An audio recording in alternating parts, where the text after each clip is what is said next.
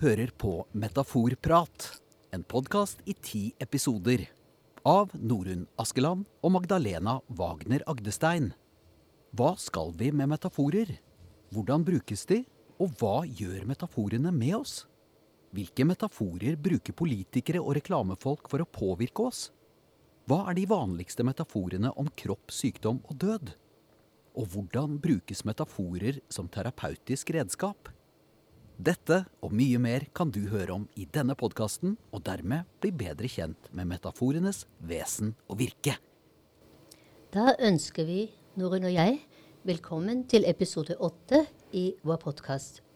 I dag skal vi belyse flere aspekter ved metaforen.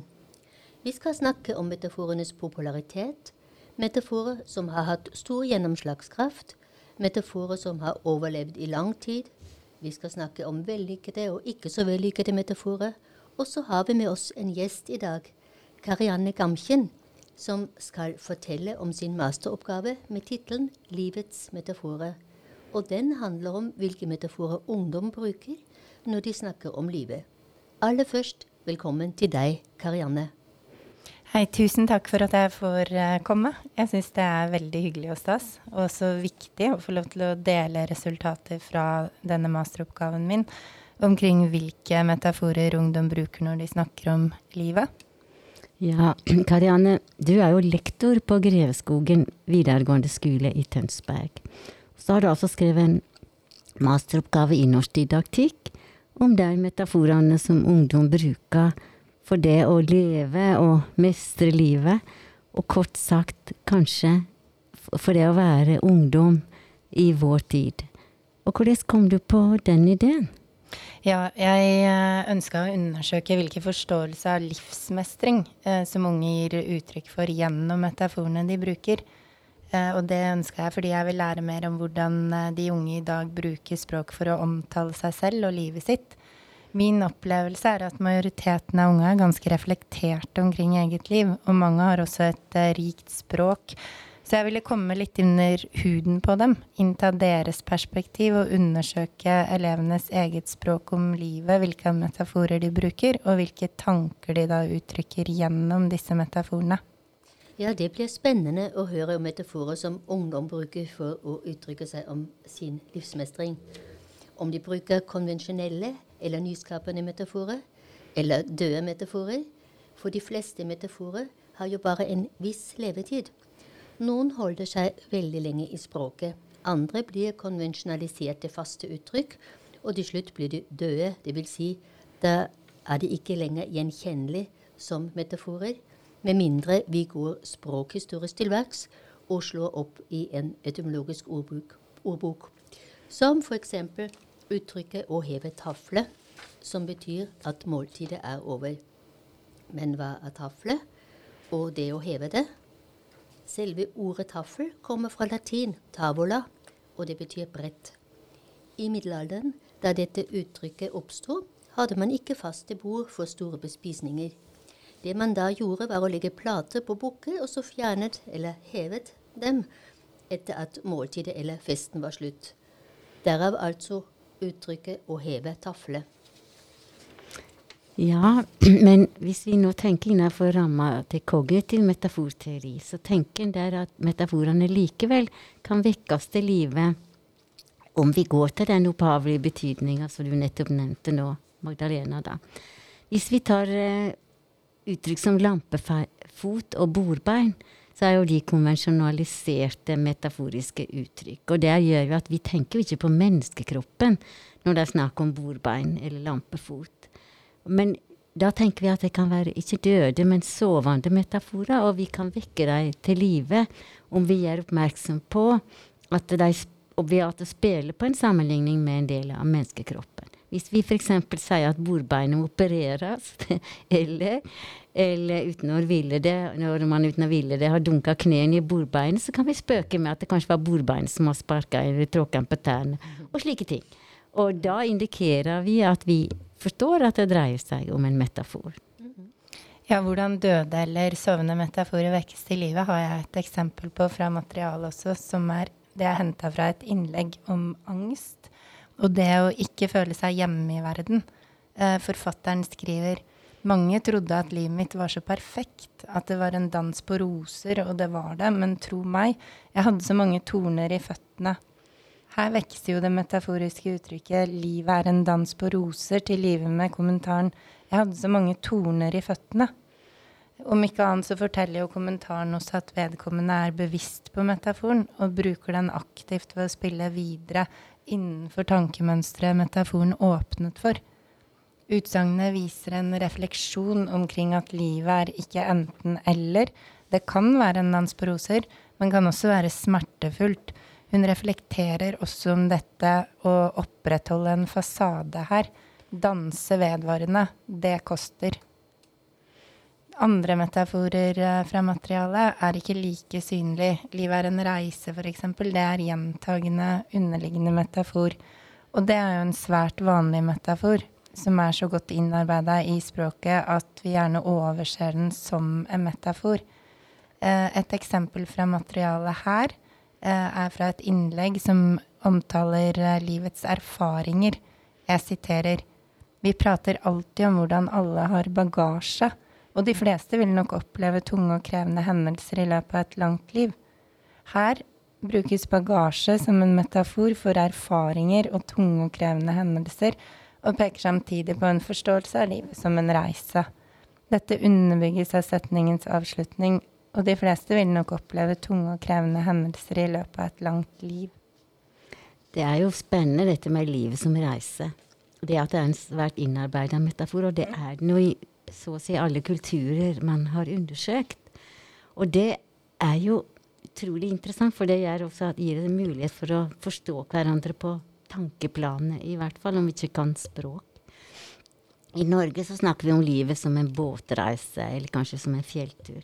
Mens i Tyrkia eller andre land som har ørkener og, og, og, store deler av Asia og Afrika, så kan man kanskje se for seg at livet er en reise nettopp i en ørken, eller iallfall i et, en plass der som har en karavanserei. Det fins en kjent eh, roman som er oversatt til norsk som, fra tyrkisk, som heter 'Livet er et karavanserei med to dører'. Kom inn, inn ett og ut et annet, eller det andre. Og Det er jo metaforer for liv og død. Karavanserei er jo egentlig en slags vertshus. Et møteplass for karavaner av kjøpmenn som var på reise i ørkenen og hadde dette som en del av handelsruta eh, si. Og dette var, da kunne jo mye skje, selvfølgelig, på, i dette livet når det er et karavanserei. Ja, det var eh, et fint eksempel fra et annet, en annen kultur, men allikevel den samme metaforen som vi bruker også her til lands og i Europa. Men metaforer har ofte en begrenset levetid. Um, og de kommer og går. Noen er uh, populære og blir værende og brukt over lang tid. F.eks. har menneskekroppen og dens funksjoner gjennom tidene blitt sammenlignet med og framstilt som en mekanisk innretning. F.eks. ble hjernen framstilt som mølle, urverk, telefonsentral, og i våre dager beskrives den som en datamaskin som bearbeider og tolker elektroniske signaler. At metaforer har begrenset levetid, har vi også sett på utskiftingen av metaforer som politikerne brukte om og gjennom pandemien.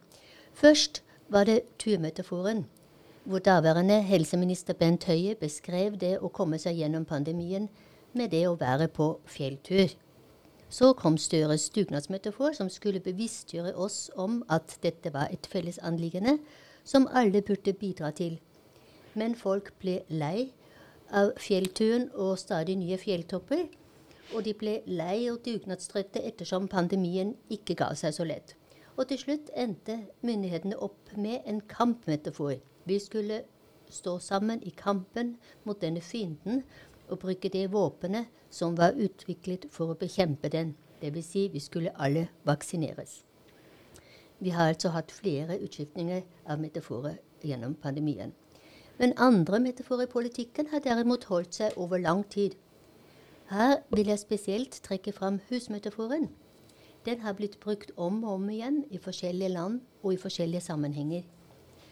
Du kan sikkert gi oss noen eksempler på det, Norunn? Ja, det trenger man ikke gå langt etter heller. fordi hvis vi nå går rett over grensa til Sverige, så vet vi at det er en metafor der som heter folkhemmet. Som var brukt for å beskrive det svenske velferdssamfunnet. Og den kom jo allerede, var lansert allerede i 1928. Og vi kjenner helt sikkert også metaforen det europeiske hus som var Gorbatsjovs metafor om det europeiske samfunnet i et samla Europa. Og i norsk politikk så er jo nest, vet vel nesten alle at uh, statsminister Jagland brukte husmetaforen i, i metaforen 'Det norske hus', som altså slagord i hans regjering i 1996. Eh, da, eh, dette huset hadde grunnmur og søyler, og det skulle representerte vesentlige elementer i regjeringens politikk, og det bygde da på kjente og respekterte metaforer. Nå var det riktignok sånn at det satt en rådgiver der og tegna i dette huset, og det var, ble litt for konkret for disse norske journalistene, så de fikk veldig mye moro med denne her. De tok tak i Norske hus-metaforen og skapte litt humor eh, ut av den.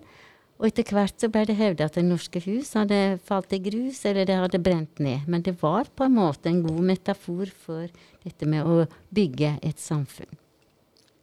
Og metaforen har jo levd videre. Han har blitt brukt i politisk debatt og i boktitler. Sånn i Kunnskapens hus. Det gjaldt historia til Universitetet i Oslo. Og lansering av Nav som Mulighetenes hus. Det kan vi kanskje, noe som har levd så lenge at de husker. Og um, ellers så lever hus, uh, husmetaforen stadig videre i ny drakt. Greta Thunberg har beskrevet vår sivilisasjon som et brennende hus. Eller et hus som er i ferd å rase sammen. Og det er nok ikke siste gangen at den metaforen eh, blir brukt, vil jeg tro, framover. Det kan nok hende, det. Men vi bruker husmetaforen ofte også i dagligtale. F.eks. når det gjelder å uttrykke seg om følelser eller en sinnstilstand. Vi sier f.eks.: Nyheten fikk henne til å gå helt ned i kjelleren. Eller uttrykket 'Der det er hjerterom, er det husrom'. Dette er innarbeidede uttrykk, og vi tenker knapt, knapt nok over at det er metaforer. Men som litterært virkemiddel kan uh, brukes husmetaforen bevisst, som f.eks. Linn Skåber gjør i sin bok til ungdommen. Da beskriver hun ungdommer ved at hun sammenligner det med rekkehus som er bygget på samme måte og ligner på hverandre. På loftet, dvs. Si i hodet, er det plass til tanker og drømmer og framtidsplaner. I kjelleren, dypt nede og litt bortgjemt, finnes det hemmelige kroker, og i midten av huset er hjertet, et rom som beskrives som et typisk ungdomsrom. Her er alt jeg fortelleren trenger i hverdagen. Musikk, venneprat, bilder av den hun er forelsket i, og noen ganger er foreldrene innom dette rommet også. Som vi forstår, bruker Linn Skåber husmetaforens strukturelle deler for å beskrive ungdommen. Jenta, altså jeg-personen i fortellingen, sammenlignes med et hus uh, som har rom for tanker, følelser, framtidsplaner og lengsler. Og det har hun til felles med andre ungdommer idet de beskrives som å ligne på hverandre som rekkehus. Har du noen eksempler på slike mer kreative metaforer i ditt materiale, Karianne? Eh, ikke direkte husmetafor, men en eh, boblemetafor. En av ungdommene skriver f.eks.: Jeg ser på meg selv som en boble med en varsellampe i. Her er jo også metaforen for det å være ungdom en type beholder og inni denne beholderen er det en varsellampe, noe som kan alarmere om fare. Jeg skriver videre at idet boblen ruller av gårde fortere enn det jeg selv kan oppfatte, begynner varsellampen å lyse, og konkluderer med at det er viktig å sjekke denne varsellampa. Ja, dette er et kreativt eksempel på en livsmestringsmetafor. Kanskje ikke bildet av selve bobla, men at det er en rullende boble, og at den er utstyrt med en varsellampe det gir den et bestemt særpreg. Men la oss nå komme tilbake til metaforer som har hatt stor påvirkningskraft i politikken i enten den ene eller andre retningen. En metafor som fikk fatale konsekvenser, var å dehumanisere jødene under det tyske naziregimet før og under krigen, hvor jødene ble sammenlignet med rotter og skadedyr. Når man snakker om mennesker som dyr, tildeler vi dem en lavere plass på naturens rangstige, også kalt Great Chain of Being eller Ladder of Being. Men det å humanisere fienden ved å snakke om den som dyr, har vi også sett i politikken i nyere tid. Da har du kanskje et eksempel å gi oss, Norunn? Ja, det, har, det, er, det, er, jo mange av dem, men et sånn kanskje litt sjokkerende eksempel da, det ble jo brukt i forbindelse med Irak-krigen. Da var det George Bush, daværende president, som brukte uttrykket om eh, Taliban at han sa 'we'll smoke them out'. Og da brukte han jo en metafor som han ellers bruker for, som, når det gjelder dette med å, å eller det blei en metafor, det man ellers gjør for å utrydde skadedyr, som f.eks. jordrotter eller andre, der en bruker kanskje gass for å, eller røyk for å få de ut og opp. Slik ville han da eh, Også fienden var et utøy som vi skulle utrydde. Og nå, nå, har jo jeg gjort en del studier av eh, lære, lærebøker som omtaler samer, og der er det jo bl.a. uttrykket i flere norske lærebøker, som fra tidligere da, så var det uttrykket en sivilisasjonsstige. Den hvite rasen var øverst, og så var samene omtrent nederst. Men så står det også det at de norske samene er bedre enn de svenske og finske, så noe bra er det jo med å være norske samer. Men jeg tenker vi kommer til å få vite litt mer om dette når eh, de metaforene har brukt om samer, f.eks. Når Sannings- og forsoningskommisjonen skal legge fram sin rapport i juni. Jeg gruer meg litt til å få de eksemplene, men jeg tror vi må gjennom, gjennom det. Ja. Metaforer som brukes i politikken, er oftest gjennomtenkt, utviklet av såkalte spinndoctors og de har et klart påvirkningsmål. Men slik er det ikke på alle samfunnsområder, og det hender at det lages metaforer som bringer med seg assosiasjoner som er misvisende eller rett og slett feil informasjon. F.eks. har det i fotballmiljøet blitt brukt metaforen hjerneblødning om feil på fotballbanen. Dette tok nevrologen Bakar Faiz opp i et innlegg i Den norske legeforeningens tidsskrift. Han skriver at dårlig valg, dårlige valg og ubesluttsomhet ikke er noen symptomer på hjerneblødning, og at metaforen derfor er misvisende. Hvis man skulle bruke et nevrologisk symptom som metafor for noen sekunders ubesluttsomhet, så ville det heller kunne passe med blackout eller drypp, sier nevrologen. Han påpeker også at bruken av metaforen hjerneblødning ikke bare dreier seg om at metaforen er brukt feil, men at den for pasienter som faktisk har gjennomgått en hjerneblødning, kan oppleves som bakadeliserende. Ja, det du sa der, det får meg til å tenke på den amerikanske filosofen og forfatteren Susan Sontag. Hun sa jo det at når man brukte krigs- og kampmetaforer om sykdommer som kreft og aids, så kunne man på en måte stemple de som var syke, fordi at hvis de da tapte denne kampen, så var det deg som hadde gjort en feil. Og dermed ble metaforbruken svært uheldig for mange pasienter. Eh, og det, med andre ord, krigs- og kampmetaforen blir belastende for visse pasientgrupper. Og det har også blitt foreslått at en skal heller snakke om et sykdomsforløp på den måten som en vei, og ikke som en kamp. Ja, men vi vet jo at krigs- og kampmetaforer om sykdom er nokså innarbeidet, og at det er vanskelig å kunne unngå dem helt. Men metaforer kommer og går, som vi har sagt før i dag. De forsvinner, og nye kommer til. Og ikke minst eh, gjelder det også ungdommens språk. Og også når de snakker om å mestre livet. Men fant du forresten kampmetaforer hos uh, deg eller materialet ditt, Karianne? Ja, uh, unge omtaler både seg selv som krigere og samfunnet og seg selv som en uh, krigssone. Og jeg tenker ungdomstida er jo en periode da de skal finne ut hvem de er. Uh, samtidig så er det mye som skjer med kroppen. De unge er fulle av følelser, de har mange tanker. og flere, i flere innlegg så reflekteres dette omkring som en krigstilstand. puberteten beskrives f.eks. som borgerkrig. I et innlegg så står det inni kroppen din er det en borgerkrig av følelser og tanker man må lære seg å takle. Så det er følelsene og tankene i denne perioden, soldater eller våpen, som må takles Og så er det interessant eh, fordi materialet er hentet fra en periode på tre år, som inkluderer nedstenginga av samfunnet under pandemien.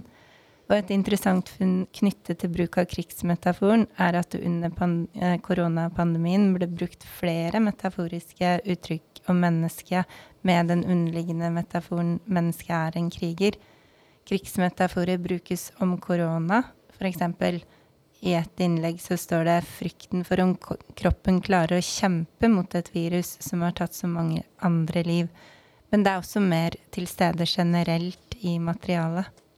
Vi har vel kanskje glemt å si til lytterne at uh, materialet er henta fra sidespalten til uh, Aftenposten, og at den går over en periode som er før pandemien og pandemien. Stemmer ja, det? Ja. ja, det stemmer. Ja. Eh, andre metafor, da har du vel ja. også funnet en del andre metaforer òg enn bare kamp? Ja, det stemmer. Eh, noe annet som jeg syns er eh, interessant, er eh, hvordan eh, unge bruker eh, metaforen, eller den underliggende metaforen 'mennesket er en maskin', for å beskrive seg selv. Men det som kanskje er mest interessant, er at de bruker denne mas maskinmetaforen som en kommentar til at dette ikke er noe som er bra. De er kritiske til å omtale seg selv som maskiner. Og det er jo interessant og også betryggende med tanke på utviklingen av kunstig intelligens, f.eks. Um, I ett innlegg uh, som jeg kan trekke frem som eksempel, så beskriver ei jente tilstanden hun er i som det å være på autopilot. Hun har det ikke så veldig bra. Hun er så sliten at hun kan spy. Men samtidig så er hun flink og går på skolen og hun gjør lekser uh, og alt det som må til i hverdagen hennes. Men samtidig så er ikke dette noe hun egentlig klarer å kjenne seg igjen i, da. Eh, og så skriver hun eh, i innlegget eh, for det går frem til en dag hvor hun ikke orker dette mer. Og da beskriver hun det slik i innlegget. Den dagen i kirken bestemte jeg meg for at jeg måtte trekke i nødbremsen og kave meg så langt frem at andre kunne nå inn og hjelpe. Altså, hun stopper autopiloten og maskinen hun føler hun er blitt, og så tar hun egne krefter til hjelp i stedet, kaver seg frem. Og mange ungdom har jo en ekstremt full og hektisk hverdag. Samtidig er de veldig pliktoppfyllende. De er på skole, de drar direkte til jobb mange etter skolen. Og så er det hjem og lese til prøver som de ofte kan ha opp mot eh, tre, og kanskje også flere av hver uke. Eh, og metaforbruken viser at eh, de reflekterer omkring det her. Ja, dette er jo spennende, og jo, så kan man jo kanskje tenke ok, det er de som skriver inn til Aftenposten. Det er jo de er veldig flinke. Mm. Men det du viser fram i ditt materiale, at sjøl om de er så flinke at de greier å få, få et innlegg på trykk i sidespalten, så har de faktisk ikke noe enkelt liv. For det viser, De har tre prøver i uka. Det kan skje ting eh, som setter mm. deg ut av spill. Men de er liksom språkbevisste og kritiske. Og det tror jeg også mange av de ungdommene som ikke har skrevet i Aftenposten, er. Mm. Så på en måte, Og det de kanskje har felles, begge disse gruppene, enten de skriver eller ikke skriver i Aftenposten, er at det skjer ting i livet som kan sette deg ut av spill. Det har jo jeg også opplevd som lærer, at plutselig så skjer det noe i elevene sitt liv. Mm. Ja, man kommer jo veldig tett på eh, livet til elevene. Og eh, ting skjer jo eh, rundt dem. Og i ett innlegg eh, så er det ei som har eh, opplevd Hun skriver om et dødsfall i en nær relasjon. Eh, og også i dette innlegget så tar hun avstand fra det å omtale seg som en maskin, da. og hun skriver og dette gjelder jo da hun omtaler sorgen. Og hun skriver du kan ikke slå den av og på, eller, kan, eller kontrollere trykket. Uh, og uh, igjen er dette med Altså, sorgen er ikke noe du kan slå av og på. Mennesket er ikke en maskin. Og så peker hun videre på at uh, den vonde sannheten er at det ikke finnes noen bruksanvisning på hvordan man sørger. Og igjen, det følger ikke noen bruksanvisning med det å være menneske. Mennesket er ikke en maskin. Det er jo veldig Det er kanskje ikke så rart at akkurat ungdommen blir oppmerksom på det, for det er jo noe med ungdomstida som gjør at følelsene får veldig eh, De får veldig kraft, på en måte, og, og du kan enda vanskeligere styre det når du blir eldre, tror jeg. Men når du nå ser på materialet ditt, var det noe du ble sjokkert over? Ja, eller jeg vet ikke, kanskje ikke sjokkert. Det er jo eh, kreative metaforer som viser eh, refleksjon, sånn som de jeg har eh, trukket frem som eksempel. Men sånn oppsummert så kan man kanskje si at materialet viser at ungdom forstår livet som en reise og en vei, med et startpunkt og et mål, og samfunnet som en lukka beholder. Mennesket forstår de også som en beholder som kan åpnes og lukkes. En kriger og et kjøretøy eller en uh, maskin. Det syns jeg kanskje nesten var litt lite sjokkerende, fordi det er jo godt innarbeida metaforer. Men allikevel så er det jo et interessant funn. Um, litt nifst syns jeg det var å se at uh, under um, materialet fra under koronapandemien, der endret metaforbruken seg. Metaforer brukt om mennesket ble færre, mens uh, metaforer om samfunnet og verden, de økte. Mm. Og de fikk jo mindre omgang med hverandre òg, i mm. den perioden som du har uh, undersøkt metaforen. Da. Men hvis du nå skal tenke hva var det viktigste du fant, og, og fant du da noe som du har nytte av jobben som lektor i videregående skole? Ja, eh, jeg syns jo dette har vært eh, veldig, veldig spennende. Eh, og det handler jo om det at jeg har fått større innsikt i de unges eget språk omkring livsmestring. Og hvilke metaforer er det de bruker, og hva forteller de metaforene om tankene de har om livet. Det er det viktigste. Uh, som norsklærer så syns jeg det er veldig verdifullt uh, å møte ungdom gjennom det språket som er i bruk, i deres diskurs. Og når vi skal utforske og reflektere omkring uh, litteratur, så er det veldig interessant å ha med seg. Og ikke minst så er det viktig språklig å kjenne de unge språket om seg selv og livet. Det er jo et veldig fint utgangspunkt for oss å utvikle språket deres videre.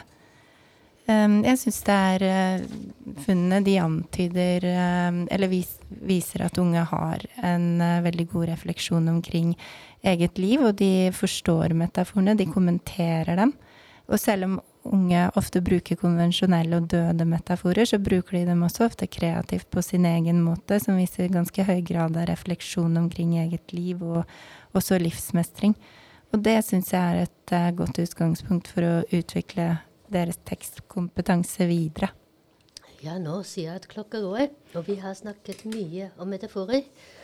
Tatt for oss metaforer om livsmestring og metaforenes levetid, metaforer brukt i politikk og på andre områder. Og neste, i neste episode skal vi ta for oss metaforer om døden. Og Da skal vi også ha en gjest. Lisbeth Thoresen heter hun. Og hun har forsket på hvordan folk opplever den aller siste fasen i livet. Kanskje er det noen metaforer der også. Det vil si, vi må jo gå ut ifra det, fordi vi vet jo at metaforer finnes overalt i språket. Men nå må vi takke for oss for i dag. Tusen takk for at dere hørte på, og tusen takk til Karianne Gamkjen, som ville dele noen av sine interessante funn med oss. Tusen takk. Tusen takk.